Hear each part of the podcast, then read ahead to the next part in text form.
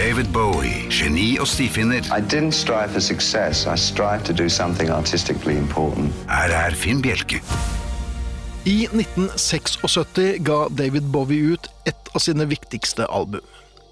Station to Station var en blanding av soul-funk-musikken fra forgjengeren Young Americans og hans interesse for elektronika, som blant annet Kraftwerk og Can var eksponenter for.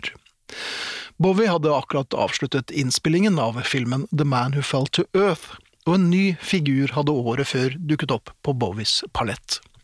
The Thin White Duke.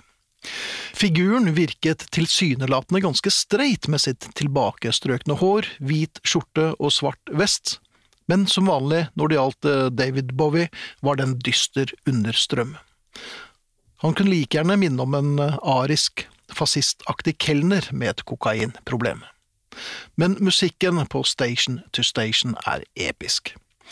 Tung, suggererende, maskinaktig, med en nok en gang distansert Bowie, som senere har sagt at han ikke husker noe av innspillingen på grunn av et galopperende kokainforbruk. Tittelsporet som åpner Station to Station, begynner med lyden av et tog. Bowie led lenge av flyskrekk, Toget er kanskje på vei ut fra stasjonen før gitarist Earl Slick og pianist Roy Bitten, på utlån fra E Street Band, innleder et tungt riff som baner veien for en iskald Bowie, som starter platen med linjen The Return of the Thin White Duke. Men vi skal til varmere strøk i vår presentasjon av LP-en Station to Station. Platen inneholder kun seks spor, jevnt fordelt på platesidene. Sist på side to finner vi LP-ens fineste vokalprestasjon. Og Bowie hadde alltid en egen evne til å gjøre coverversjoner til sine egne, og valget av Dmitri Tjomkin og Ned Washingtons ballade Wild Is The Wind fungerer uanstendig godt. Først gitt ut av Johnny Mathis i 1957 til filmen av samme navn, og ikke minst innspilt av Nina Simone.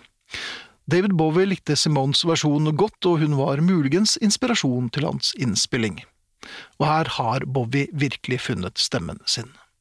Selv om innspillingen av albumet ble gjort på ti febrile dager med kopiøse mengder kokain, høres Wild Is The Wind som et pastoralt friminutt.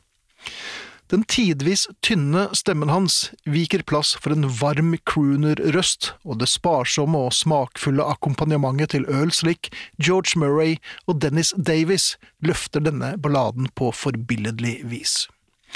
Wild Is The Wind er kanskje den fineste coverversjonen i David Bowies diskografi, og det er muligens ingen tilfeldighet at dette er den siste sangen han fremførte live i 2006. Dette er seks minutters smak av himmelen.